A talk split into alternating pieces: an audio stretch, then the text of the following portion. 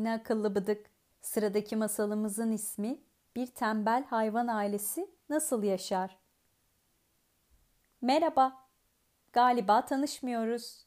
Ben Yuşuk. Bunlar da babam, annem ve kardeşim. Şunlara bakın. Hepsi uyuyakalmış. Ben de tam bundan bahsedecektim. Bizler tembel hayvanlarız.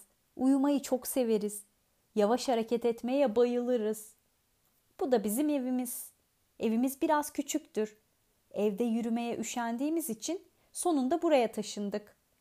Bizim evimizde horultular, mırıltılar eksik olmaz. Hayır hayır, geceleri değil, gün boyunca. Sizler kahvaltınızı sabahları yapıyorsunuz değil mi? Biz genelde akşamları yaparız. Çünkü annem ve babamın omlet yaparken uykuları gelir, uyuyakalırlar. Genelde iyi anlaşsak da kardeşimle bazen tartışırız. Ama o kadar yavaş tartışırız ki sonunda neden tartıştığımızı unuturuz. Babam gazete okumayı çok sever. Yalnız biraz yavaş okuduğu için hep geçen senenin gazetelerini okur. Bu senenin gazetelerine hala başlayamadı. Evimiz küçük demiştim ama dört tane tuvalet olduğunu söylemedim.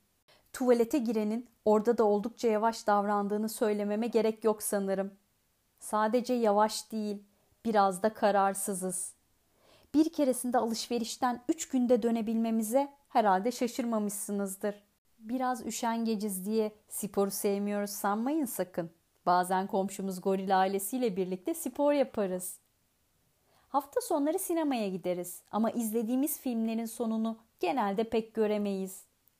Çoğu şeye üşensek de yatmadan önce birbirimize mutlaka sarılır, iyi geceler dileriz.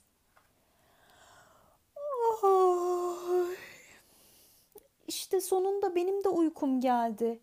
Koskoca bir kitabı dinlediniz. Sizin uykunuz gelmedi mi? Hadi akıllı bıdıklar. Siz de yatın artık.